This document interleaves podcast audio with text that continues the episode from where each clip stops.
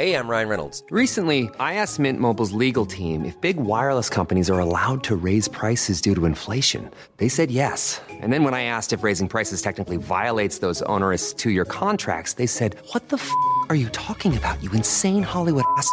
F- So to recap, we're cutting the price of Mint Unlimited from $30 a month to just $15 a month. Give it a try at mintmobile.com slash switch. $45 upfront for three months plus taxes and fees. Promo rate for new customers for limited time. Unlimited more than 40 gigabytes per month. Slows. Full terms at mintmobile.com.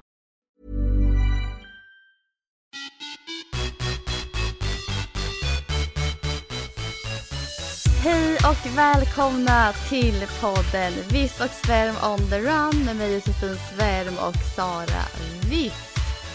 Vi har ju haft ett ganska långt sommaruppehåll här och inte hört nästan ingenting alls i alla fall. Hur har din sommar varit Sara så här långt? Ja men den har varit jättebra. Jag, jag känner nu när vi satt på mickarna och räknade ner att, vi skulle, att jag bara, det här har jag ändå saknat. Ja, Det var, det var lite tomt men, eh, men sommaren har ju ändå sprungit förbi som den ofta gör. Ja. Nu ska jag inte säga att den är slut, vi har ju faktiskt augusti kvar. Ah. Men det känns som att, jättelänge sedan som vi poddade och det känns som att det har hänt mycket samtidigt som det inte har hänt så mycket. vad har ni gjort då? har du varit någonstans? Nej men vi, ja nej men vi har varit eh, två veckor på Åland, äntligen, så som jag har längtat att kunna åka dit. Mm. Så vi har precis kommit hem från, vi har varit två veckor på Åland och innan det var vi två veckor också lediga här hemma och eh, men gjorde lite så här bara mysiga sommargrejer, badade och eh, eh, ja, allt, allt möjligt. Somrigt bara helt enkelt, var det mycket med barnen. Eh, men, eh, ja, nej men det har varit en, en lugn och bra sommar skulle jag ändå säga. Vad, vad har ni gjort? Nej men samma känsla här lite. Det har, alltså, det har egentligen inte hänt så mycket. Speciellt den här sommaren. Ehm, det, vi har bara så njutit av skönt väder, mycket bad, eh, mycket familjehäng och kompishäng. Eh, vi har varit mestadels här i Motala. ehm, och i stugan i Godegård, min svärmors stuga en del. Eh, vilket är det bästa jag vet. Eh, och sen så har vi varit en tur till Öland under några dagar på camping. Eh, det, det var väldigt mysigt. Barnen, vi var där med tre familjer och alla har barn i våra barns åldrar. Så eh, de hade ju en otroligt härlig semester alla barn. Det var, ja, så det var jättelyckat. Eh, verkligen. Men annars så har vi ju varit faktiskt nästan bara i Motala. Och njutit. Ja. Håller ni på att förbereda er för flytt till huset? Ja, det gör vi. Ja, det börjar närma sig. Ja, alltså det gör ju det. Det är tre veckor kvar tills vi ska flytta in till huset. Eh, och det känns ju väldigt bra. Vi är så redo för det. Eh, och liksom börja så här klicka hem lite möbler. Eh, kika in hur vi vill ha det liksom. Eh, så det, det är väldigt kul. Eh, det kommer ett roligt projekt att ha här nu. Samtidigt som att det kommer ta lite tid också. Alltså en flytt är ju ganska så här kraftansträngande.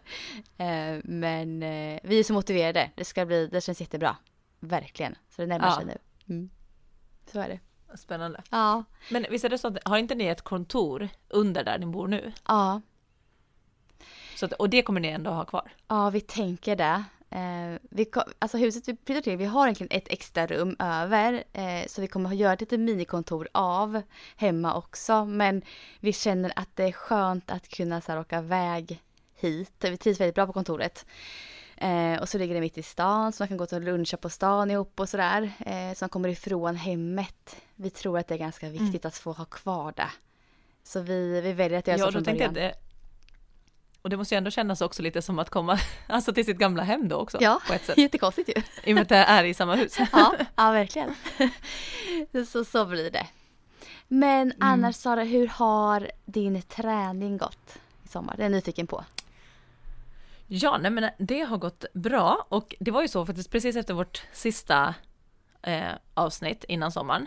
Så då gjorde jag min första tävling. Ja. Så jag har ju varit tillbaka på tävlingsbanan nu. Du har ju det! Hur kändes det? Ja. Nej, men alltså det var så roligt, men också alltså nervöst. Och det, man vet ju att det ska vara nervöst för att det spelar liksom ingen roll om det är en liten tävling eller en stor tävling, när man inte har stått i tävlingsblocken på riktigt på, vad blir det, ett och ett halvt år, Ja. så är det ju liksom, när man, alltså det är ju en känsla som är bara så här, som man riktigt inte kan träna på. Och därför är det, tycker jag, så viktigt just att det här på att, att, att jag, jag uttrycker liksom att man tränar på att tävla. Mm. För det är ju verkligen det, man måste ju tävla flera gånger för att liksom vänja sig och känna att man hanterar det där på ett bra sätt. Vet du det här, jag lyssnade, bara inflika lite, jag lyssnade på vår första podd vi gjorde eh, i, för två år sedan. När jag ute och sprang i morse. Nej va? Ja, och då sa du just det här att träna på att tävla. Alltså vi pratar mycket om just den grejen. Vad kul att du sa det just nu också. Jaha. Ja, Och gud, du vågade gå in och lyssna på ja vårt första första, jag var så nyfiken på vad vi sa. Ja. Ja, nej, men det är spännande. Ja, men för det är det jag, jag kände att jag gjorde där eh, också. Och det här var ju äntligen min, alltså den här sommaren, den här säsongens mål. Det var ju egentligen bara att förhoppningsvis tävla innan jag går in i höstens träningssäsong igen. Så att för jag har ju liksom hela tiden med min den här resan efter graviditeten och det så har jag tänkt så här, men då har jag ungefär ett år på att bara komma tillbaka till stark kropp, stabil kropp, börja kunna träna friidrott och sen då att kunna tävla. Men det är ju egentligen nu till hösten som eh, jag går in i en riktig försäsongsträning. För under våren, det var ju då jag började gå in i alltså, att friidrotta igen. Så du förstår Mm. skillnaden. Jag går ju inte in i en hård försäsongsträning. med att Där, jag, då handlar det ju om att vänja kroppen med löpskolning och löpning och hopp, alltså lite sånt igen. Ja. Medan nu till hösten så kommer jag ju gå in i eh, en gro, alltså, grövre liksom grundträning. Eh, och då så tyckte jag att det skulle vara så skönt att kunna göra det med ändå en tävling i bagaget. Så att inte vint- höst, eller inomhussäsongen i vinter, att inte det blir då första tävlingarna. Ah. För då har det gått liksom ett halvår till. Så att jag får ju vara jättenöjd med att det är så här, jag checkade av den, det målet, och det kom tidigare än vad jag trodde, för jag tänkte att det kanske skulle vara augusti, september, och jag tävlade redan i början på juli, Mm. var det. Eh, och det gick ju jättebra. Eh, jag hade lite för stark vind, men ändå känslan av att klockan stannar under 12 var ju verkligen så här, för det har ju varit egentligen ett så långt, eller det har ju varit mitt stora mål så länge. Nu var det fortfarande inte godkänd eh, vind, men det jag tar med mig är ju ändå att min kropp sprang under 12 sekunder. Ja. Eh, så att kroppen har ju gjort det nu, var det tre, fyra gånger som jag gjort det med för mycket vind. eh, och att den gjorde det redan, för det var ju liksom ändå så här, var, jag har ju aldrig börjat en säsong så snabbt oavsett. Var du så här, var du ganska chockad över det eller var det så här, visste du att du hade det i dig?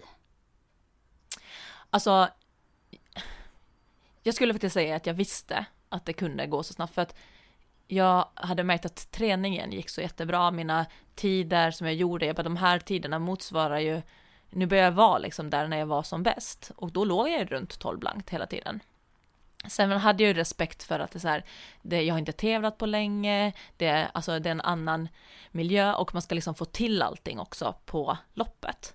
Eh, så att, men, men jag, alltså så här, jag gissade på så här mellan, med runt 12.50 som jag brukar öppna på, i och med att jag ändå har öppnat på det förut också, även när säsongen sen har slutat eh, bättre än så. Eh, så att det var ju jättebra, och sen fick jag springa ett lopp till, det hade de inte sagt i förväg att det skulle, utan det var bara ett lopp, men sen så, vi lägger in ett lopp till.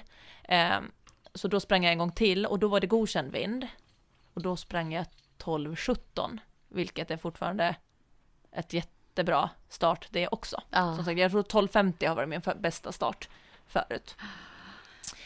Så nej, så att det, eh, och då blir det också så här motivationen som kommer efter att man har fått tävla. Och, och att det också händer någonting, för att när man har presterat på en tävling, eh, så är det som att man nästan där också kommer upp lite på en ny nivå i träningen. För att man har verkligen fått pusha ut allt. Mm. Och sen hamnar jag lite i den här som vi har varit inne på många gånger i, i podden, att när det går riktigt bra, då är man också på gränsen Mm. till att hålla sig skadefri. Ja. Och där var det för efter tävlingen, jag vilade en- typ en vecka och sen hade jag alltså två, tre veckor här i juli som tävlingen, eller som träningen. Alltså det har gått så bra och jag har sprungit snabbare än, än någonsin på Mm. träning. Och varje pass. Och du vet så här, och då är det så här, man vet så här, okej nu ska jag behöva dra lite i bromsarna för att det går så snabbt. Men det är också jättesvårt att dra i bromsarna när det känns så fruktansvärt bra.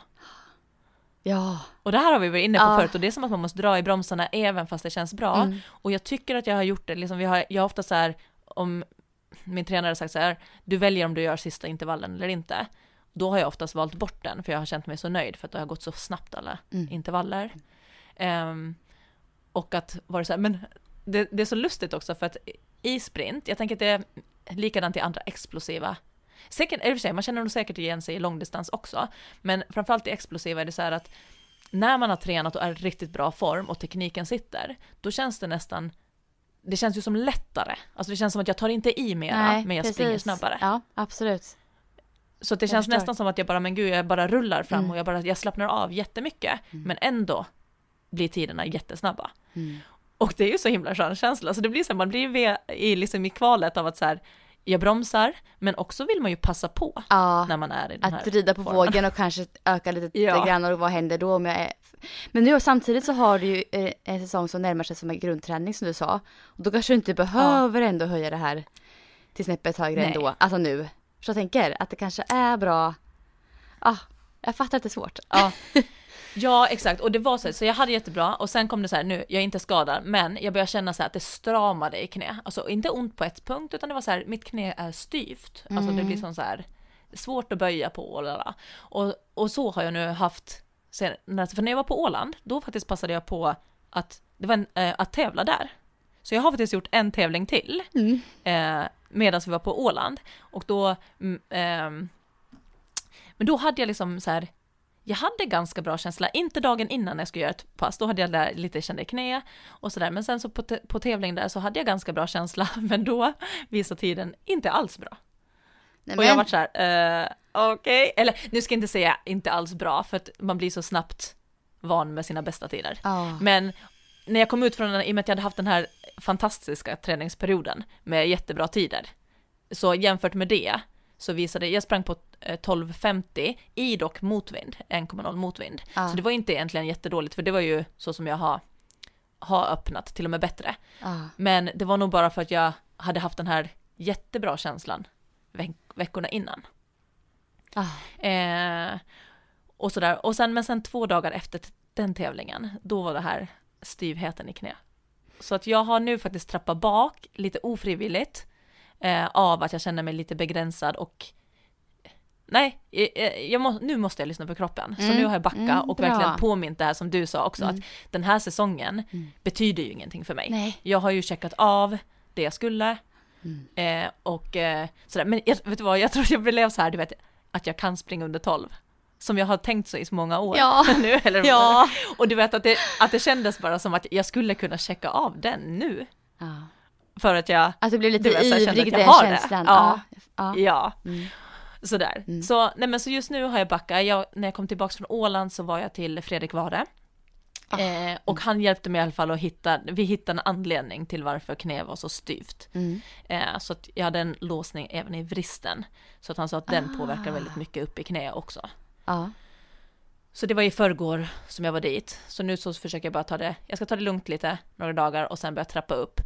Känns det bra så kommer jag nog att tävla någon gång till i sommar, om det känns liksom bra. Mm. Men jag ska ha lite is i magen i form av att jag behöver inte jag behöver inte pressa fram den tävlingen, utan det är bara ifall att det känns helt bra och att det, jag behöver inte skynda mig att komma till tävling.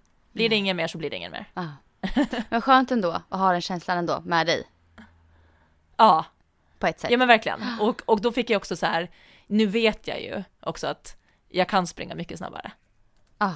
För att om jag liksom fick den där känslan Ja. bara på efter ett år så tänker jag till nästa sommar så ska det ju gå, alltså kapaciteten finns där. Sen är det ju bara att komma dit utan alltså så här att bli skadad på vägen eller så. Ja, men det är helt andra förutsättningar att gå in i nu den här grundträningssäsongen och nästa tävlingssäsong än vad du hade i år. Ja, ja men verkligen. Hur har din träning varit? För du har ju haft din löpgrupp, men har du hunnit Mm. träna själv utöver, Ja, utöver det? ja, det har jag gjort. Eh, jag har ju lagt prestationer åt sidan eh, träningsmässigt Mm. eh, hela sommaren och eh, bara liksom eh, njutsprungit kan man säga. Eh, kommer tillbaks med den där gamla Jossan som så här, går på känsla och, och springer när hon känner för det och hur långt hon vill. Typ där har jag varit hela sommaren. Eh, och det har varit så här välbehövligt tror jag och väldigt skönt för mig att göra det faktiskt.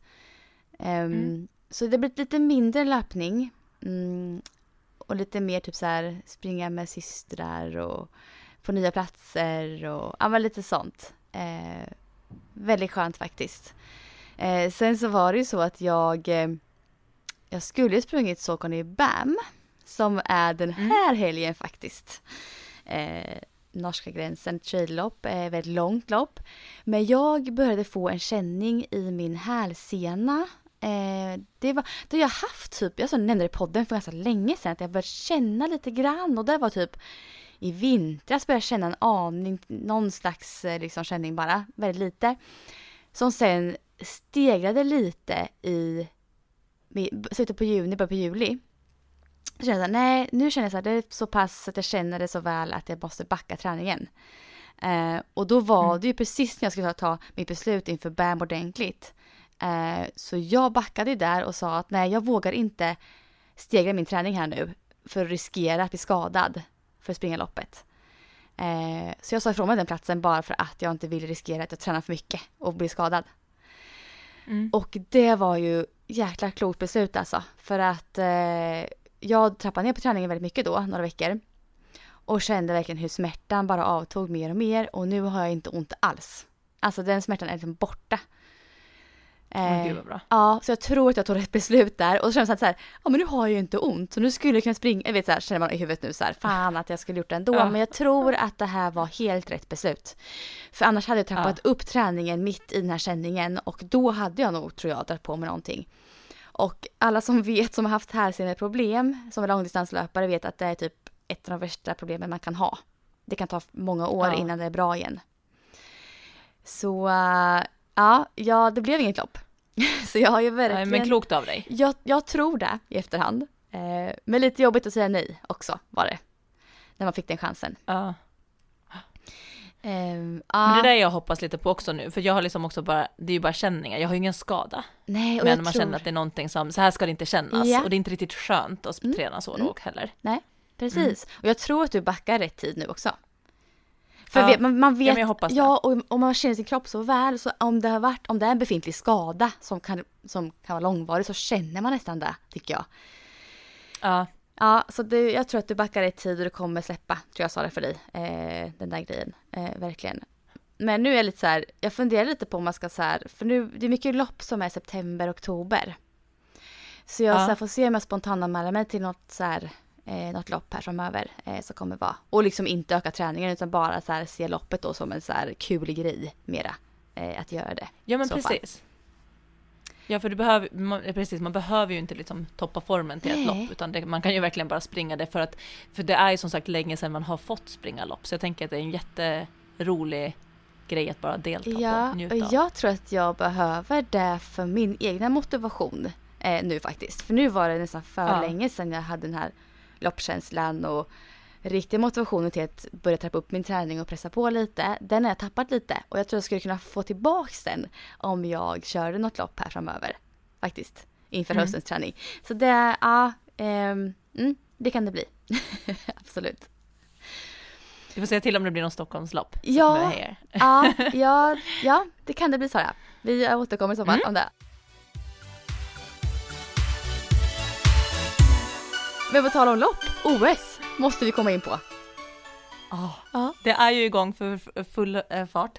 Ehm, det är ju lite jobbiga tider, måste man säga, att titta på det. Jag, jag, jag, jag missar det mycket som helst. Jag tar ju fatta och man Ja. får höra i alla fall hur det går för alla. eh, Och vissa grejer ser man ju såklart. Men ja, så är det.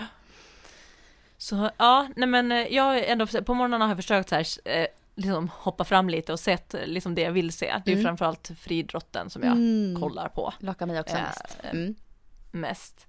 Ehm, Men eh, senaste, nu är ju det här gammalt när, när, de, när ni lyssnar på det här på söndag. Men jag måste bara ta, för det var ju precis eh, henne vi pratade om i podden förut, eh, Ja. eh, Motala-tjejen, Ja. som i natt kvalade till final i höjdhoppet. Och det är ju jätteroligt, 21 år gammal bara, Ah. Maja Nilsson. Så kul Så det är hon- liksom och bara det hon- som jag tog med mig nu på morgonen. Jag vet, bara, vilken, wow! ah, så kul för henne alltså. Och hon såg så här, hon såg så lite, lite chockad ut efter hoppet. Man såg, jag kollade på hoppet förut hur det såg ut. Det var ett jättefint hopp också på en 95 eh, som hon kollade in på. Eh, och hon såg liksom så här chockad, glad, alltså så här, ja, hon såg så himla, det var så härlig känsla i hennes ansiktsuttryck efter hoppet. Ja, och jag tycker att hon är nog så här i en ganska bra position mentalt tror jag, för dels är hon ung, eh, hon kvalade ju in till OS på sista tävlingen som man kunde kvala in till OS. Ja. Då hoppade hon ju pers som var då 1,96, vilket då gav OS-biljetten. Så jag tänker att hon kommer in ung, precis på sista tävlingen. Eh, jag kan tänka mig att hon inte känner så jättestora stor press eller förväntningar, utan det är verkligen en bragd av henne att ta sig dit. Och sen då nu också då i kvalet så hoppar hon då en centimeter under pers, alltså 1,95 och tar sig till final. Så jag tror, jag tyckte också det lät så när jag lyssnade på intervjun med henne efteråt, att hon kommer gå in på lördag och bara alltså njuta av att få hoppa en gång till och det är OS-final och det har gått så här fantastiskt liksom. Skön känsla att gå in med. Ja, och jag tror att det gör också såklart mycket, alltså så här från för prestationen när man liksom inte känner den här tyngden på axlarna som många Ja. andra, jag tänker nu på om vi tar svenskarna bara, eh, Daniel Ståhl och eh, Mondo Du- Duplantis, Ja. alltså de har, de har ju nu varsitt guld som Ja. de har tagit med sig hem och det är helt fantastiskt. Mm. Men jag tänker att de har nog haft ganska stor tyngd på sina axlar. Det jag tror jag absolut. Eh, verkligen.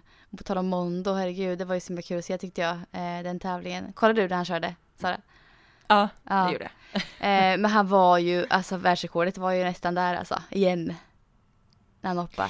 Där tror jag, hade det varit publik på läktarna Ja. och det hade klappats igång och gett han det Alltså- stödet som ett OS egentligen är, Ja. då hade han tagit det. Ut, alltså, det var ju också Ja, så men han när hade den det rivningen, Ah. Ja den rivningen som var, den, studs, den hade ju lika bra kunnat studsa och stanna kvar. Ja. verkligen så här, oj, Ja, för det var, liksom. ju, det var ju andra stavhopp som var mycket mer touch på ribban än vad hans var. Mm. Eh, som ändå som låg kvar liksom. Så det var lite oflyt också. Eh, på ett sätt där. Men jäklar vilken atlet han är alltså. Ja, verkligen. Har du några andra så här favorit, eller som du har plockat med dig hittills? Ja men det finns ju, alltså, Sara Sjöström är också så här, alltså hennes silver, Mm. Alltså att hon kan göra det med hennes skadebagaget här nu. Eh, det är så otroligt egentligen. Att hon har hunnit komma tillbaka till den här toppformen. Och hon har ju mycket mer att ge, alltså ge henne ett, ett halvår till så är hon tillbaks, alltså hon hade ju, hon hade kommit hem med guld, något guld annars. Det tror jag ju. Ja, Um, henne är imponerad av hennes mentala styrka kanske mest är att hon faktiskt tar sig tillbaka. Och tar ett silver liksom med den här bakgrunden som varit. Äh, det är imponerande tycker jag. Verkligen. jag tror att det här liksom ändå kan ge henne, alltså hennes motivation och driv tror jag att kan bli, alltså ännu, det brinner ännu starkare tror jag nu. Ja. Alltså, jag tänker så här, förstå mig rätt, men men att så här, jag tror att det här kan ha varit ganska bra för henne på ett sätt. För att hon har varit också så här stor favorit så länge och ända sedan hon var ung. Och hon har liksom inte, tror jag, haft så här, någon stor motgång eller alltså säkert hon, alltså hon har såklart alla idrottare har motgångar. Men hon har ju haft en väldigt framgångshistoria från tidig ja. ålder. Ja, ja, Eh, ja. och hon har legat på toppen. Och nu när det här händer, om, vi, om man nu leker med den här tanken om att eh, den här pressen på axlarna som jag tror att många storfavoriter känner. Nu fick ju hon på något sätt, nu, nu hann pressen tror jag komma lite tillbaks på henne ändå för att hon visade upp bra form inför OS. Mm. Men ändå, det är ju inte samma press som att hon skulle åka dit och hämta hem gulden. Nej. Och nu tror jag att hon också fick, du vet så här, men du vet en liten köra från början, hon fick bita ihop, hon fick bestämma sig, fick jobba mentalt, hon fick jobba med att verkligen tro på att hon kommer tillbaka, vilket hon, jag tror att hon har i sig naturligt, att hon är väldigt så vinnarskalle och tror på sig själv. Och, men det blir ju en, en annan resa som jag tror att kommer stärka henne extremt mycket till Paris, om hon nu kör vidare tre år till, vilket jag tror det lät så. Alltså en- väldigt bra erfarenhet säkert för henne. Han lärt sig jättemycket säkert eh, av det här. Ja. Ja, det är Ja, som imponerande. hon sa att hon hade också så här, det var ett tag som hon inte kunnat träna, du vet, över kroppen alls. Men att då, hon, hennes svaghet har länge varit benen i, eh, alltså i bassängen. Mm. Och, men då har hon inte haft kanske den tiden, så nu hade hon ju verkligen tagit sig, okej nu är det benträning, ben, ben. Och då har hon ju kört så mycket mer ben än vad hon någonsin skulle ha hunnit med. Ja. Och det kom ju också på sin tur, Ja. att, att det har hon ju med sig sen även när överkroppen fungerar till 100% liksom. Mm. Och det där kan ju alltså andra skadedrabbade ta med sig av också. Att man kan ju oftast göra någonting kanske. Ja. Eh, och utvecklas Det är så roligt för jag har varit jag har ju styrketränat tisdagar klockan ett på, på Bosön under hela våren. Eh, och det, då har ju hon typ nästan, alltså väldigt många gånger har hon varit där samtidigt med du ja. vet två sjukgymnaster så här svansande efter henne. Så hon har ju liksom varit punkt, punktmarkerade sina två sjukgymnaster. Och då tänkte jag ändå på det när man ser henne där nu, att alltså jag kommer ihåg de där första gångerna jag såg henne på, på Bosön. Du vet hur hon gjorde så här benspark i maskin med armen liksom bara eh, inte liksom, den var inte med att använda. Sen hur de började, du vet, i kabelmaskinerna med lätta, lätta vikter dra. Och så tänkte jag så här, det var ändå inte så länge sedan, sen jag såg henne där. Och nu ändå så Ja, tar hon ett silver Det är det som är så imponerande. Ja, det var coolt att se tyckte jag. Och sen var det ju, ja, en som, det är Warholm, Karsten Warholm från Ja. Norge. Alltså, han är helt otrolig ju. Ja, sjukt, 400 meter häck, världsrekord. Alltså, Och guld. Och Och, där guld. såg man Vad också häftigt. tvåan i loppet. Ja. Han krossade ju också världsrekordet. Alltså de var ju väldigt bra båda jävla lopp. två. Ja. Jag kollade innan eh, eh, Karsten klev in på OS-arenan så kollade jag dokumentären som är på SVT. Har du sett den med honom? Eh, nej, det har jag inte. Mm. Jag tänkte, den var väldigt, eh, eller jag gillade att se den för det handlar liksom om han och hans tränare och deras förhållande. Sånt här är så Och, eh, kul, eh, intressant tycker jag att se bakgrunden. Ja, Ja, och det var så kul att se den för det här var då inför Bislett Games, alltså de här Impossible Games som vi pratade om förra året i podden. Den första friidrottstävlingarna mitt under, alltså när, när inga andra tävlingar eh, gjordes. Eh, men då är det en dokumentär om den när han jagar världsrekordet då på 300 meter häck som han skulle ta på det där Bislett. Eh, och man fick en väldigt inblick i om hur de tränar, mentalitet, lite så här, tränaren, de har en väldigt speciell eh, och fin relation. Eh, och eh, ja, man får följa dem i alla fall. Eh, och hur de, han har lite skadebekymmer på, på vägen och hur de mörkar det så att ingen ska få veta om det och håller på så. ja. Och det var väldigt kul att se den faktiskt innan det här, för då blev det som att man kände så mycket för honom. ja. Så att när han går in så var det som att man visste resan dit. Så ja, nej, jag höll verkligen mina tummar extra mycket för, för Ah. honom när han sprang. Alltså, ja. Ja, det var imponerande också. Eh, sen har jag också noterat Montler, längdhoppet. Mm. Han, svensken där Montler, han hoppade ju, nej men alltså han var ju så nära att ta en medalj. Alltså han var en centimeter övertramp i sitt hopp. Och Mm. landade på linjen typ i, i samma linje som han som vann OS-guld gjorde liksom. Ah. I det hoppet. alltså, så, Ja. och han var så dubbla känslor. Han var ju nöjd säkert med prestationen men alltså så snopet och liksom var så nära en OS-medalj för honom. Mm. Ja, jag tyckte han presterade väldigt, väldigt bra också. Såklart. ja, det gjorde han. Det var synd marginalerna var på fel, Ja, lite så faktiskt. fel sida. Du måste ju ha säkert kollat på damernas sprint mycket tänker jag också. Ja, de, den har jag följt eh, slaviskt ju, alltså 100 Ja, meter och 200. jag tänker och där blev det ju dubbel, eh, Elaine Thompson tog ju eh, hem eh, segern på både 100 och 200. Ja, Och hon visar ju enorm form. Mm. Och eh, ja, det var fantastiskt att se henne. Sen har jag hejat lite på eh, Kellyanne Fraser Ja. som blev mm, tvåa mm. på 100 meter. Hon fick ingen medalj på 200 Nej, Hon på fyra. utanför. Hon stumnade ja, mm. av sista på upploppet där tror jag. Ja. Så, men eh, absolut eh, värdevinnare och ett spännande lopp. Jag var, jag var jättenervös på 100 meters finalen. Och du vet hur det känns också.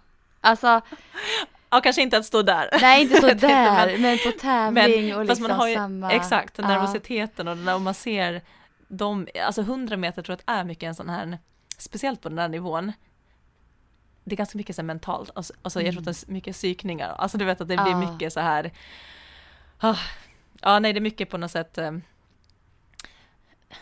Det är så mycket power i hela alltihopa och så är det så Ja. mycket små marginaler och det handlar om att kunna liksom verkligen samla sig, tror jag. Ja, Man har liksom inte råd att tappa fokus nej. en pytte, pytteliten sekund, då är allting kört, typ. Verkligen, det mentala spelar ju så otroligt stor roll där.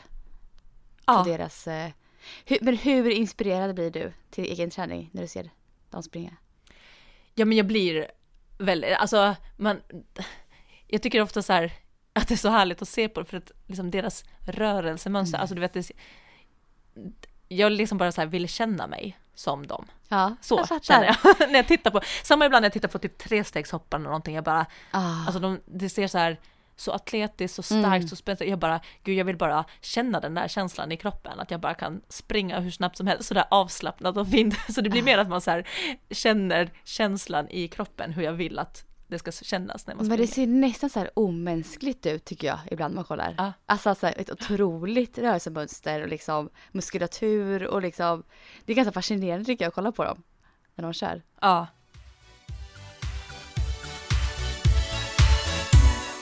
Eh, nej men så henne hade jag, sen är det typ de vi har eh, pratat om. Sen har jag skrivit ner lite andra punkter. Dels en punkt bara det här med om att, eh, men det här med att jag hade sett på Karstens dokumentär innan, Mm. vi har följt olika idrottare på sociala medier. Och jag vet att vi pratade förut om det här eh, idrottsprofiler som dels tjänar mycket pengar på sociala medier, ska man behöva jobba med sociala medier för att få mera pengar, alltså hur det, kommer du ihåg att vi hade en Ja, ja. diskussion om Ja. liksom? Mm, Mm. det kommer jag ihåg.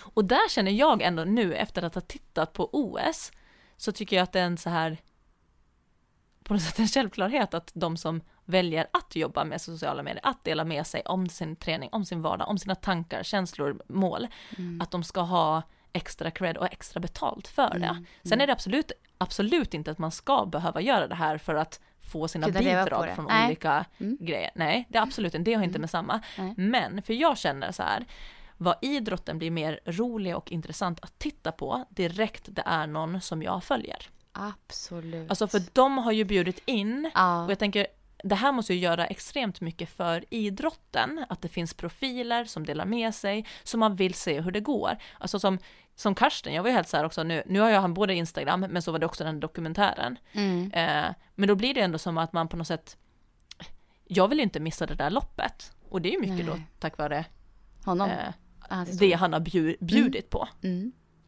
Och samma med finska 100 meter häcklöparna, eh, alla, alltså så här, de som har, nej men jobbar mycket med sina sociala medier. Jag, bara, jag kände så här att till och med när eh, amerikanska friidrottare eller någon fransk, alltså du vet att jag bara Mm. så här, oh, jag vill se den där för att där är hon med eller där är han Mm. med. Som det personer jag egentligen inte har någon koppling till, men jag har tyckt att deras story är intressant. Ja, och, då, ge, de- de, och de lägger ju tid på, de ger ju mycket av sin tid och sin personlighet då tycker jag också. Och till att inspirera och motivera och ja, visa andra liksom eh, sin väg. Så jag tror att också att det är så här, jag håller med dig där. Ja. ja, och jag tänker att det på sikt gör ju jättemycket för idrotten. Ja, extremt mycket. Absolut. Det gör det. Så det var bara något jag, så här, som jag Mm. verkligen tänkte på, att, jag bara, att det slog mig att det var så många fler jag har koll på nu Mm. än OS Rio. Mm. Och det tror jag att det är mycket på grund av soci- sociala medier. Mm. Ja men absolut. Och jag tänkte också på en grej, det här med alltså psykisk ohälsa kopplat till eh, prestation. Eh, den här höga prestationsnivån som de här Mm. är på. Också varit så här, det har kommit upp mycket med Jenny Sveds eh, från Sverige, eh, mountainbike-tjejen och hon, eh, vad heter hon då, från USA, är gymnasten. Eh, Eh, Simona stor favorit. Ja. Det blev väldigt så här. Jag tror att många, det gick upp för många typ så här att oj, det handlar inte bara om att gå dit och prestera, utan det finns så mycket annat bakom en sån prestation och en sån press man kan ha på sig.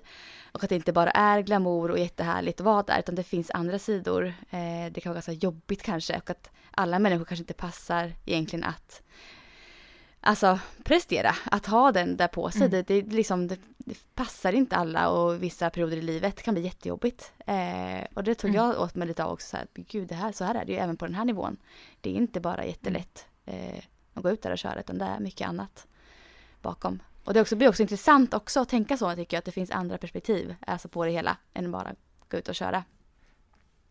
Ja men verkligen. Jag har faktiskt gjort det. att Jag har, jag har skrivit ner tre ämnen som är utanför resultaten på Ah, OS. ah. Eh, så jag tänkte att jag ska ta dem. Och den första punkten är precis det du är inne på nu. För min första punkt var psykisk ohälsa. Att det är Ah. någonting som jag tycker där OS har lyft, eller det har kommit fram på ett helt annat sätt än tidigare. Mm. Och det, jag tror att det börjar, alltså dels eh, hon svenska tjejen som du berättade, det var ju redan efter förra OS va? Ja, precis. Hon har delat med sig av det en del ju. Eh, Ja. Tidigare. Mm. och är tillbaka nu på plats. Men varför det blev så stort under det här OS, om det är någon som inte har följt det, så är det ju att Simone Biles som är liksom stor favorit, eh, eh, amerikansk gymnast, hon avbröt lagfinalen. Alltså så att hon hopp, hon, eh, hon är USAs bästa gymnast och eh, i finalen så eh, på hoppet så gör hon en, en landning som inte är likt henne. Alltså hon brukar alltid spika sina landningar. Eh, och hon gör ju en landning som hon blir nästan förvånad hur hon landar för att hon, hon visste typ inte var hon var. Eh, och då avbröt hon finalen och först var det som att man visste inte om hon hade skadat sig men sen sa de att det var inte på grund av eh, fysisk liksom, skada. Eh, och då var det ju att hon, hon har ju haft stresspåslag och eh, känt också jättemycket press inför det här och mycket eh, ja, psykisk ohälsa som gjorde att hon till sist i hoppet här förklarade att hon hade ingen koll på, hon tappade verklighetsuppfattningen var hon är i, i, i sina rotationer och blev då så rädd för att också fortsätta eh, för att, att inte känna kontroll i den typ av eh, utföranden är, Mm. ja, det kan vara livsfarligt. Ja. Men det blir ju en väldigt stor grej när kärnan hoppar av. Eh, USA lyckas ju ändå ta liksom ett silver i laget ändå. De andra tjejerna fick steppa upp och gjorde det jättebra. Och jag tror att det, hela det här teamet, de berördes mycket och att de gjorde det tillsammans och det blev... Ja, det var ju här det kom på tal ändå väldigt, väldigt Mm. när liksom en så stor profil kliver av en lagfinal. Mm. För det tänker, man tänker att det, det, det gör man inte. eh, men då förstår man ju också liksom hur viktigt det är att människan och idrottaren liksom behöver gå före idrotten och resultat och prestation. Och att hon Verkligen. vågar och har det Mm. stödet runt sig. Ja. Att liksom så här, det, ta det beslutet och det är rätt beslut för Men alla. det kändes som att hon inte visste att hon hade stödet tycker jag bakom sig. Att, hon, att det var, men att hon förstod det väldigt snabbt att oj vilket stöd jag har i det här. Ja, jag tror att hon hon kände det i laget Ja. och tränaren förstod jag. Ja. Men kanske inte utåt. Nej. Inte från USA kanske. Nej, Alltså, det kanske mer var så att hon, så. precis, men det hade hon ju verkligen sen. Folk eh, gav Mm. verkligen henne massor cred och sådär och stöttade henne. Vilket var väldigt fint att Mm. se och jag tror att det är ju otroligt viktigt att det här lyfts som det har gjort nu. Ja, både det, alltså hela det här mental alltså stress, alltså medaljens baksida. Ja. Men sen hör ju eh, Biles också till den här otroligt hemska historien som eh, inte alls är länge sedan det har kommit upp på tapeten. Du har säkert hört om det också. Eh, det var ju den eh, amerikanska idrottsläkaren för gymnastiken Mm. som för något år sedan bara blev alltså dömd för eh, sexuellt, vad säger man, utnyttjande Ja, av ja. gymnaster. Mm, mm. Ehm, så han har liksom begått sexuella övergrepp på över 150-tal tjejer. Och det har liksom pågått över, alltså över decennium. Eh, och det var ju när, när det började lyftas upp och det kom flera och flera, så Simone Biles var ju en av de sista in, vad jag förstod det som, att också berätta att hon var en del av det här. Eh, och då tänker man hela den upplevelsen, ångest, allt det ger kring det. Eh, samtidigt också gå tillbaka till arenan där allt det här som, som det här har hänt och jag tror att hon är också, vad jag har förstått så, så är hon typ en av de jag undrar om hon är den enda som är kvar och tävlar på OS-nivå som har varit utsatt för det här.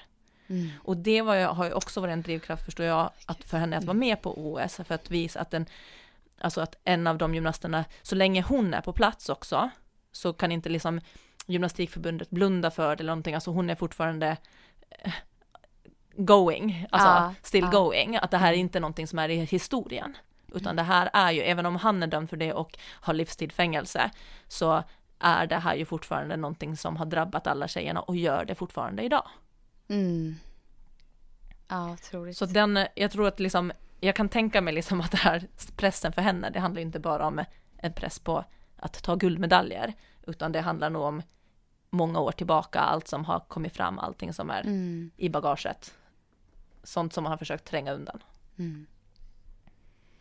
Ja. Eh, så det var gymnastiken, psykiska ohälsa. Sen där tänkte jag också, eh, i, i Kula tyckte jag också att det var väldigt så här, eh, någonting som stack ut. Jag vet inte om du såg eh, Raven Sounders tror jag att hon heter. Hon Ja. stötte Kula också i en stor mask, alltså typ som ett munskydd, fast det var så här stor typ skrattande mun på den, typ lite såhär jokeraktigt. Jag såg inte krysset. Ah, Okej, mm, berätta. Ja, nej, så hon hade också en väldigt så här, som man verkligen reagerade på, så här, oj vad, det såg nästan lite otäckt ut för det var Ja. som en så här jokerskratt. Eh, och där var det också liksom att eh, eh, hon har också kämpat väldigt länge med grov liksom, psykisk ohälsa och att masken hon hade på sig, det var ju också för att liksom öppna samtal om psykisk ohälsa, att få folk att reagera. Att hon har upplevt att många går in i OS-tävlingar och ler och man går in i kulringen, eh, ler, har roligt och gör sitt jobb, medan hon typ inte har kunnat göra så. Så att den här masken med ett stort skratt var typ hennes sätt att le. Och eh, där var det också en story om hur, alltså så här, hur tufft hon har haft det och eh, eh, varit på gränsen till och med att avsluta sitt liv och sen tagit sig tillbaka och så här. Så det känns som bara som att OS, då, eh, ja, nej men det här är ett ämne som verkligen har lyfts det här OS. Ja.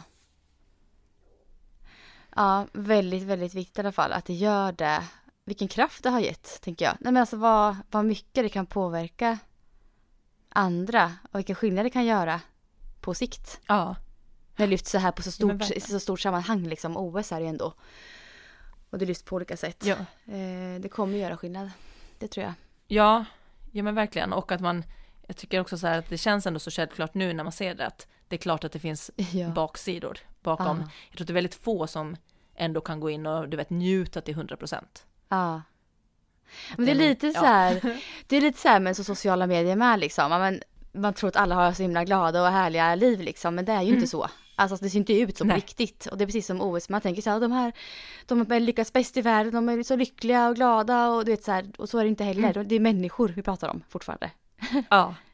Ja, och det kanske till och med blir värre. Att ju, du, vet, ju högre upp du kommer, ju mer press blir det. Ju Absolut. mer, alltså, Ja. Det tror jag verkligen. Så- Men så det var ena punkten. Andra punkten som jag har utanför liksom prestationerna, eh, det är Alison Felix, eh, alltså 400 meters Mm. löparen, framförallt nu då. Eh, jag tror att jag nämnt henne förut, hon är ju 85 så lite av de äldre idrottarna. Eh, jag tror att hon har varit tre VM eller någonting, alltså hon har varit med i toppen väldigt Länge. väldigt länge. Och eh, fick barn för det två år sedan kanske eh, och hade en väldigt, ja, lite eh, strulig, allt från förlossning till första tid då, eh, så. Men det, det här ämnet då som hon förmedlar mycket, som hon pratar om, det är ju liksom det här med att kunna vara idrottare på toppnivå, trots att hon är eh, liksom mamma, eh, men även liksom kvinna och jämställdhet, att hon har liksom Eh, hon är ju en av dem som verkligen, verkligen har fått kämpa för att få rättvisa inom idrotten. Eh, därmed att bara för att, att, med att bli av med sponsor ehm, avtal när hon var gravid. Hon har liksom blivit av med stöd, bidrag och sånt på grund av att hon har blivit mamma. Och här har ju hon kommit tillbaka nu med liksom ett eget märke. Hon har egna alltså märke på spikskor, på kläder, som verkligen är så här supportar kvinnor och att det ska vara en jämställd eh, idrott. Mm. Och den tycker jag också att det var i någonting som man har sett mer av. Också Shelly Ann har ju också lite fört den, ändå, ändå liksom det här att mammor, kvinnor och att liksom, men kanske det här att det inte är ett bäst före-datum. Mm.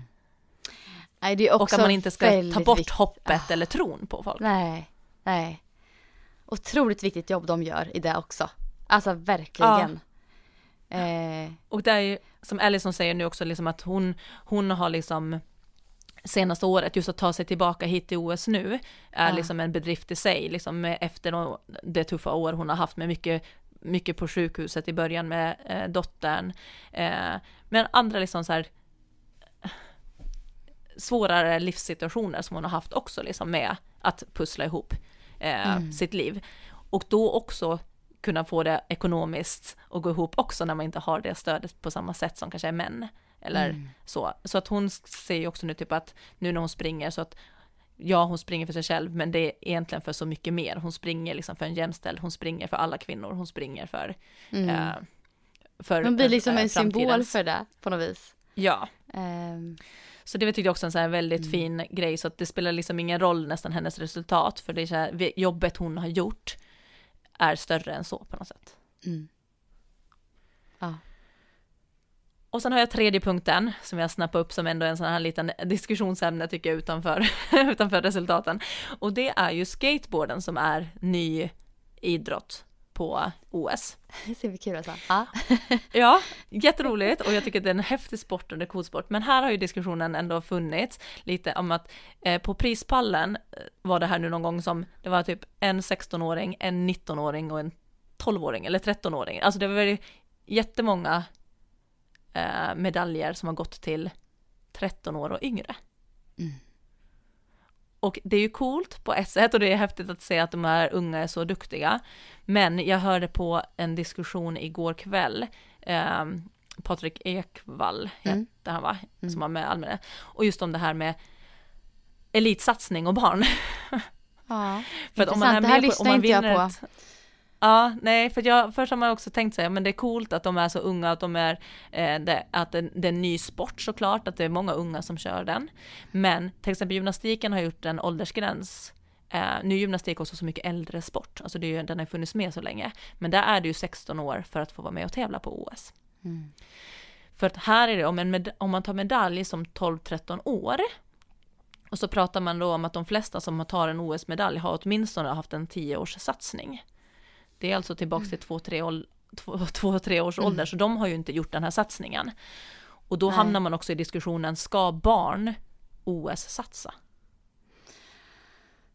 För om man nu kan vara 13 år och ta medalj, då behöver du börja din satsning kanske vid 8.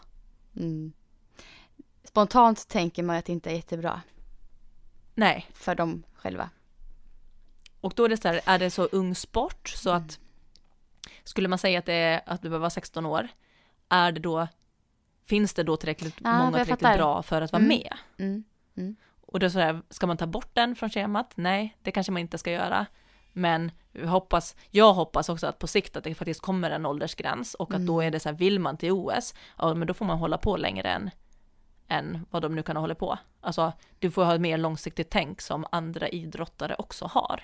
Och inte vara som bäst kanske när du är 13. Nu kanske de här är jätteduktiga när de är 16 Jag och tänker 20 att de också, men det är ju det man vill. det. Ja, precis. Ja. Ja. Mm. Och det är ju det man vill, alltså Mm. vara med om fyra år Mm, igen. Eller precis. alltså nu blir det tre år då, eller att skjuta. Så jag hoppas att den här, att skateboarden kommer att få vara kvar. Mm. Men jag hoppas att det kommer att komma en gräns som i gymnastiken för att få flera att hålla på längre. Att det inte blir liksom att standard ska vara 13 år på prispall. Mm. Utan att man flyttar den så att träningen, drivkraften och alltihopa förlängs lite längre, Ja, lä- högre upp i åldern helt enkelt. mm. det tror jag. Men det var ändå intressant för de är ju coola Mm. att se tycker jag också. Jag tycker att de är jättecoola de här Mm. små tjejerna framförallt som bara har mer swag än man någonsin kommer att ha. Ja. ja, det är Men häftigt. eh, ja, men de var inne på spåret där tyckte jag liksom så här, nej, det kanske inte där barn ska vara. Nej. Nej men det är så här intressanta diskussioner som har kommit upp av det här OSet. Kanske mer än vad jag Mm. upplevt förut. Mycket mera. Ja,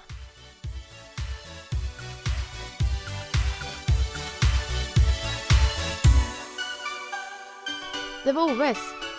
det var OS. En lång utläggning. Ja men det är intressant. Eh, och det är kul att titta på. Ehm, verkligen. Eh, men vi har ju något lite så här tråkigare att prata om egentligen. Just nu Ja. också. Nu skrattar jag. Det är inte kul egentligen. ja. Eh, jo, vi har bestämt att vi kommer ehm, lägga ner podden faktiskt. Eh, på obestämd tid säger jag nu, för vi vet ju inte riktigt vad som händer framöver. Ehm, men vet, vi kanske kommer tillbaka. Men just nu Mm. är situationen så att vi inte kommer fortsätta.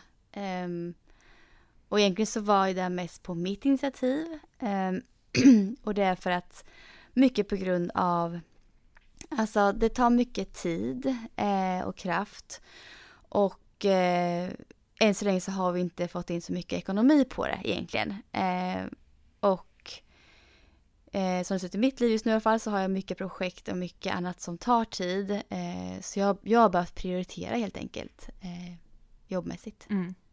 och annat där.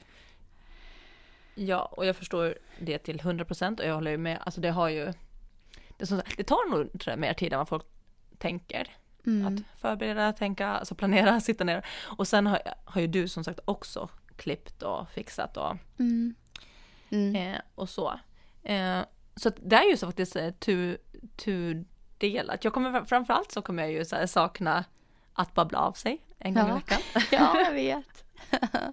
ja. Men också lite det här med att det känns ju ändå som att man, även om man inte träffar lyssnare så känner jag liksom ändå så här att det känns som man ändå är, är nära många lyssnare. Mm. Jag Som en vet. del av liksom podden. Ja, om man inser det så här när man får DMs och sådär tycker jag från er som lyssnar så här att oj, det, det är Exakt. riktiga människor som hör vad vi säger och som tar åt sig vad vi säger och som är intresserade av att lyssna på oss. Så det känns ju, jag tycker det här känns jättejobbigt just idag. Framförallt Mm. idag när jag gick upp i morse bara, nu ska vi berätta att vi inte ska fortsätta. Alltså, och nästan så här, nej men ska jag ändra mitt beslut? Ska vi liksom, hur, du vet så. Eh, Mm. men vi landade här i alla fall eh, till Mm. slut. Eh, så får vi se tycker jag vad som händer. Vi kanske dyker upp igen.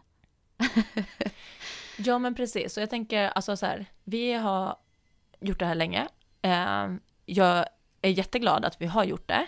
Eh, jag är glad att du frågade mig om jag ville komma med och podda med dig. För det, har ju, det har varit en väldigt rolig tid och jag tycker att vi har utvecklats mycket. Jag känner ändå så här, det var det när du sa att du har varit inne och lyssnat på första avsnittet. Inte. du. jag känner Ja, mig i alla fall inte lika nervös så, utan det här känns som att det har blivit Nej men det här har blivit någonting som är roligt att sitta ner och prata eh, med det. Och då tänker jag att det, det visar ju ändå en utveckling i det man har gjort och eh, i formatet liksom som ändå var något helt nytt för både dig och mig. Ja. Sen tycker jag ändå att samtidigt också, man ska inte vara rädd för att avsluta saker eller liksom, eh, det är lätt att man också hänger fast. Så att just Ja. nu så känns det liksom som att det skaver lite i form av tidsbrist och lite så här, inte, inte skaver mellan oss och inte mellan, på, Nej, inte mellan inte. lyssnarna, inte där, absolut inte.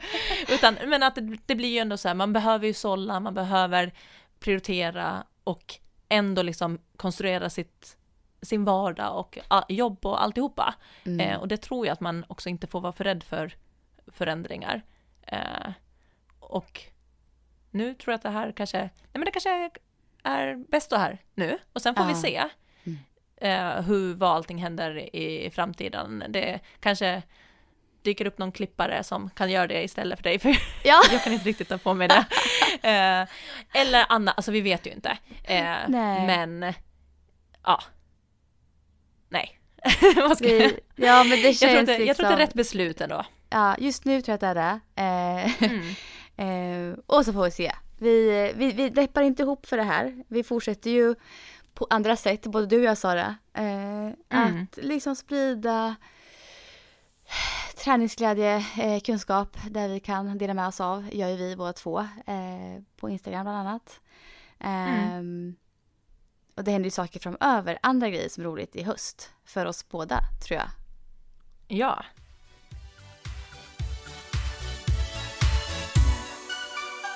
Berätta lite om din höst. Vad Ja. ser du fram emot med hösten? Eh, jo, men alltså det, utöver det här så ska det ju bli en eh, jätterolig höst. Eh, jag drog ju igång min digitala löpklubb Let's Run nu i somras.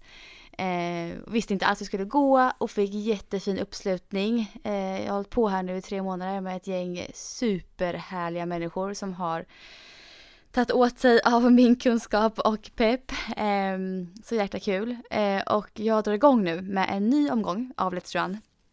Eh, den 6 september. Så det är en månad kvar när det här eh, sänds.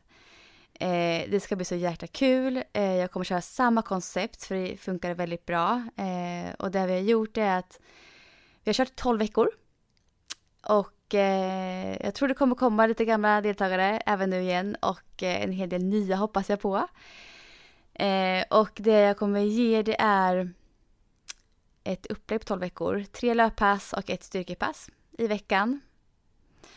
Eh, där styrkepasset filmas varje vecka. Eh, det förklarar hur man ska göra sådär. Och även ett livepass har jag varje lördag morgon med de som är med. Där jag coachar, peppar och så genom ett intervallpass. Och just det här livepasset är något som har varit så jäkla kul att göra. Alltså det roligaste jag gjort jobbmässigt är att ha livepassen på lördagar med mina Let's Run klienter. Eh, och jag märker att det är det som har varit mest uppskattat också i det här konceptet eh, i sommar.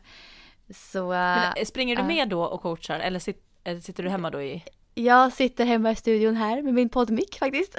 Exakt. kör. Men, ja. men du hör inte dem då utan du Nej. coachar? Ja, de lyssnar är det bara lite till som, mig. eh, Är det lite, jag tänker för de som har gillat Spring så snackar vi? Ja, ja men blir det, det blir lite likt det? Ja, det blir lite, fast det är live. Ja, men då Ja. tänkte jag att de som gillar Spring så snackar vi. Ja, de kan De hänga på här. Vet, då kan man gilla de det formatet. Då vet man i alla fall liksom just detta att man följer, just det, och så är det live, så då vet man att alla andra är ute och springer samtidigt. Också. Samtidigt. Och det har också varit väldigt roligt. Eh, Mm. Ja, det, ja, så det här har varit otroligt roliga veckor. Eh, så jag ser fram emot hösten också. Så att om det är någon här som lyssnar och vill hänga på från 6 september, 12 veckor framöver, så är ni så himla välkomna. Eh, och ni går in på letsrun.se för att anmäla er. Eh, så det är väl det, det, det roligaste Sara här som häng, eller händer för mig jobbmässigt nu i höst. Det är absolut det här. Ja. Mm. Vad, vad händer för dig? Du kanske har mycket träningsfokus tänker jag här nu. Du snackade grundträning förut gjorde du ju. Ehm, ja, hur ser det ut? Ja. Vad händer? Ja, men jag nämnde för några avsnitt sedan ganska nervöst sådär att men gud jag vill ju faktiskt så här ta mer tid till friidrotten och liksom för, verkligen försöka satsa mer. Eh, och det där har jag nu fått smälta och landa i och nu känns det inte lika sådär läskigt längre. Nu känns det så här, nej men det är klart att jag ska göra det. Och det, det är härligt hur en känsla som kan vara så här, uh, kännas jättestor, kännas nu så här rimlig liksom. Det är klart att jag ska göra det som jag, jag blir så glad av. Eh, så jag, i höst så har jag bestämt att jag ska prior- prioritera träningen. Och det kommer att innebära att jag ska, jag ska försöka, eller jag ska lägga på eh, ett pass till i veckan. Så jag går ju från, jag har ju bara tränat fyra, många tror att jag tränar alltid mycket mer. Men jag har ju tränat fyra gånger i veckan och nu ska jag upp på fem, är tanken. Och då har jag försökt göra det så här klokt och förnuftigt, att jag kan inte bara lägga till någonting utan att ta bort annat. För det min tränare sa till mig också var så här, när, vi, när jag sa det till honom, att jag bara, nu vill jag liksom göra, göra det jag kan för att bli så bra som möjligt. Då sa ni att det handlar inte egentligen om så mycket mer volym och träning, utan det handlar ju mer om att kunna komma ner i varv, vara på träningen och inte liksom så här så som jag gjort nu, du vet stressa från A till B, B till C, alltså du vet ta en banan direkt i bilen, direkt till jobbet för att ha så här, eh, att han bara att kanske ha en halvtimme efteråt där du kan bara liksom jogga ner och sitta och stretcha Ah. och ta, alltså så, sådana saker, han bara det kommer ju påverka din återhämtning när det inte är så här tjopp tjopp tjopp, alltså så som min, mitt schema oftast har sett ut. Nej, så att prioritera träningen, återhämtning och ett så här luftigare schema, det är liksom mitt fokus till hösten. Eh, så att där kanske det kom lite till med det här att nu försvann podden. Så att det blev ju ändå vad jag var i behov av, även om det kanske inte var det jag tänkte att skulle tas bort. Så är det ju ändå, jag försöker ändå se så här, ja, där, där har jag fått en lucka till. Eh, jag har ju nu också liksom, eh, jag kommer inte ta in mera PT-kunder, utan jag har de jag har. Eh, jag kommer, jag har faktiskt tagit bort fasta eh, klasser på Barry's. Jag kommer vara med som vikarie, så att jag alltid kan tacka ja eller nej. Eh, för där också, visst det tar inte, eller det är en, två klasser, men det är också en till punkt för mig att ta mig till. Alltså det är inte på Ah. samma Just det. ställe. Så att eh, när jag märkte så här, ska jag spara tid så behöver jag liksom ta bort även transportsträckor. Eh, för sådana små saker, men jag har inte varit där så mycket heller. Men förhoppningsvis så kommer jag vikariera ändå minst två gånger i månaden. Eh, minst. Eh, men att då kommer det bli att jag kan alltid tacka ja eller nej och styra dem lite. Vad skönt ändå. Eh, och sen så kommer jag faktiskt öfysen, det är väldigt, jag har flera på kölista på öfysen, för jag vill inte ha fler än 12 har jag sagt, för att hålla bra kvalitet och liksom att det ska räcka med redskap och sådant också. Så där kommer jag nog starta en grupp till som är då här på ön. Vad kul! Så att, ja, så att det börjar, och det gör ju också att det, det gör, i och med att det är på gården, så sp- sparar, jag har ju ändå typ 45 minuter till jobbet, enkel väg. Så att det blir ju ändå så här, så att jag försöker pussla om så att jag på riktigt kan se att jag har flera timmar extra nu till hösten som inte har funnits tidigare. Ah. För det är så lätt att man bara säger så här, jag vill göra mer av det här, du vet, men att sen så sätter man det på. Så nu försöker jag faktiskt på riktigt och så här, ja, okej, här, det här, det här blir bort, det här blir bort och så. Eh, och sen, så att egentligen så jobbmässigt så det är nästan lika mycket jobb som förut skulle jag säga. Men bara att jag har ändrat mindset och satt träningen först, så har jag liksom, jag har lekt med tanken i mitt huvud att jag ska vara som elitidrottare i höst, som sen jobbar på sidan av, istället Ja. för att jag jobbar och tränar på sidan av. Fast på pappret är det i stort sett som det alltid varit, men jag känner att det blir en stor skillnad i mitt huvud. Ja, fokuset Eh. blir på träningen ännu mer. Ja, exakt. Och det betyder ju inte att man behöver göra någonting annat sämre. Eller Nej. det, det är bara att jag kanske prioriterar bort då till exempel just att nej, jag tar inte in några nya. Jag kommer att eh, prioritera kunderna som kan de tiderna det passar för mig. För att jag ska kunna träna och på det sättet jag vill. Mm. Eh, så att en liten sån omställning har jag gjort och eh, då känns det också, det känns jätteroligt att gå in i hösten och känna så här, nej men jag ska vara idrottare i höst. och eh, då blir jag också så tacksam för mitt jobb, för jag vet att många idrottare, de har ett extra jobb i form av, eh, nej men man kanske jobbar på löplabbet, runners door, man kanske jobbar inom förening, alltså du vet saker som är runt löpningen eller idrotten. Vilket är fantastiskt att man kan göra det, men då blir jag också så tacksam till att jag har ju redan byggt upp mitt eget företag som jag kan välja hur mycket jag vill jobba i. Eller om jag ska jobba nu mer hemifrån. Eller kanske lite mer med sociala medier som också gör att jag eh, inte är lika låst till tider. Så jag blir bara mer så tacksam att jag bara, gud nu kan jag göra min idrott och ha mitt jobb så mycket jag känner att jag behöver. Eh, men utan att behöva fråga någon annan om lov eller schema, utan jag kan ju ändå göra det med mitt eget. Så jag blev bara så här väldigt tacksam till det jag har byggt upp hittills och att eh, ha möjligheten att jobba både med mitt eget företag, men att nu då faktiskt också ge mig själv lite mera tid. För att det har ju varit mycket, jag tror att alla som startar företag vet att man jobbar mycket och man tackar ja till allt Ja, länge rätt att göra det. för att få Mm. det. Mm. Och här försöker jag också liksom landa i mig själv att det är så lätt att fastna i den för att man känner sig duktig när man jobbar mycket och jobbar hårt och är på plats tidigt och jobbar sig, alltså det finns ju en liten sån Mm. förväntning eller, eller som någon form av det är lika med bra att jobba hårt.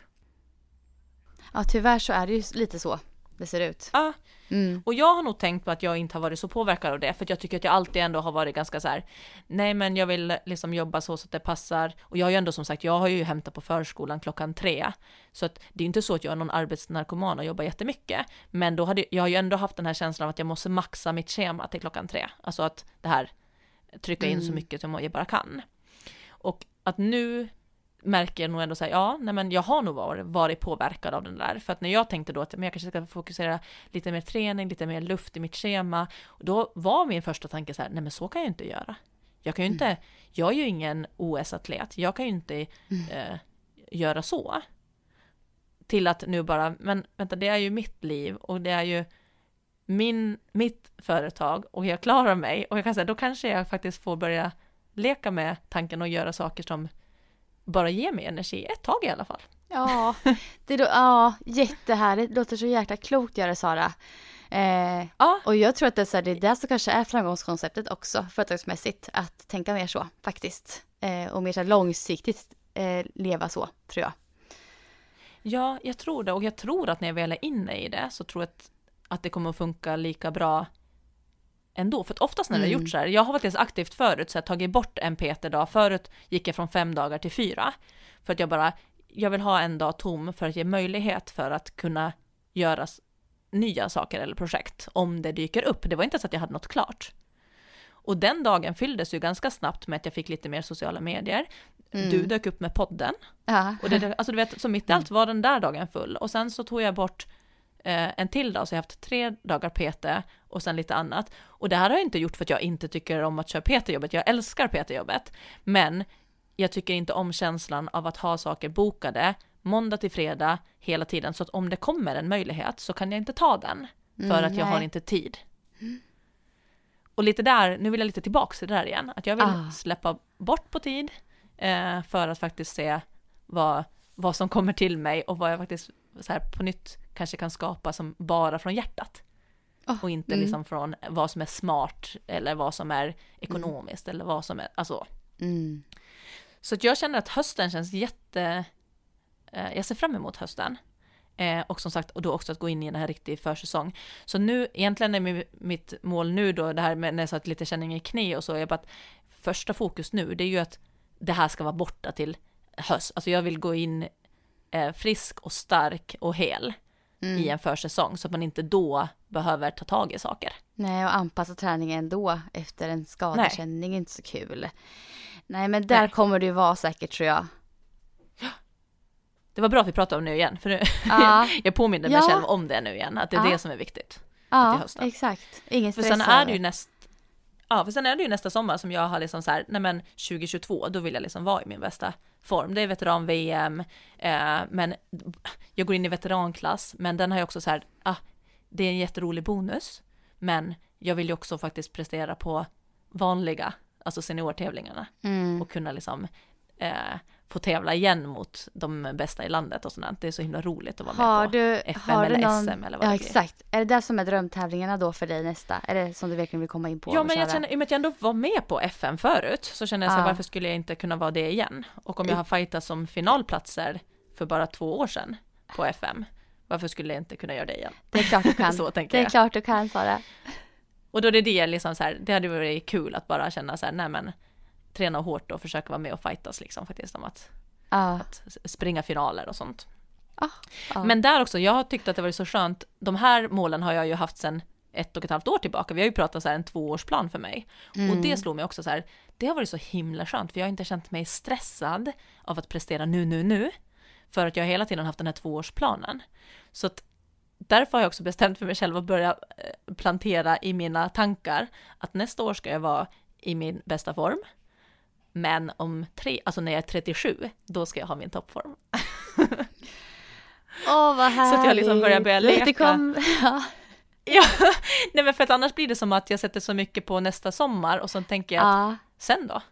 Så då tänker jag, det är klart att jag ska vara i min bästa form nästa sommar, men jag ska igen inte, tänka, alltså som eh, Alison Felix, känner igen, alltså det, jag, jag ska inte sätta ett bäst datum före, på, bäst före datum på mig själv, utan tänka att när jag är 37, Mm. där kan jag vara i min bästa form. Mm. Ja, Så, ja. det är jäkligt. ja, det är så, så jäkla inspirerande och kul att höra tycker jag. Jag tror på dig så himla mycket Sara, ska du veta. Åh, tack. Ja. Och tack för all pepp och stöd längs eh, så här långt. Eh, Ja. det, har ju, det har betytt jättemycket tror jag, att få bolla så här tankar och känslor och ja, men det man känner kommer jag liksom också. fram till saker. Ja, man känner sig klokare efter varje typ samtal som vi har, tycker jag. Ja, och jag är helt säker på att allt du tar dig an, eh, löpgrupper, nya uppdrag, nya jobb, jag är helt säker på att det bara kommer gå så bra med allt. Ja, men tack. Och detsamma till dig. Kommer gå i super. Och det ska bli kul att följa så här. Jag kommer ha koll på dig. Alltså så här också nu när du kör tävlingar. Nu kanske du bara har någon kvar här i säsongen. Men Ja, nästa år alltså. Det Mm. blir ju spännande att följa. Och vi kommer ju höra Sara. Vi tappar inte kontakten här nu bara för Ja. att vi kommer göra det och jag. Ja, Ja, men du. Ja. tack för den här tiden och alla lyssnare, tack för den här tiden. Tack att ni Mm. hängt med oss och skrivit och delat era tankar och lyssnat och allt. Alltså, utan er hade du inte de här, vad är det, ett, två år typ? Mm, två år. Mer än två år är det. Ja, Mm. det är tack Ja. vare alla lyssnare. också. Det är det. Vi uppskattar ju verkligen att ni har lyssnat på oss och alla fina så här, meddelanden vi får. Alltså det betyder ju jättemycket. Så tack, tack, tack till er allihopa. Och tack Mm. Sara. Och vi hörs Tack Josefin. vidare. Vi hörs. Ha det så bra. Ha det så bra. Hej då.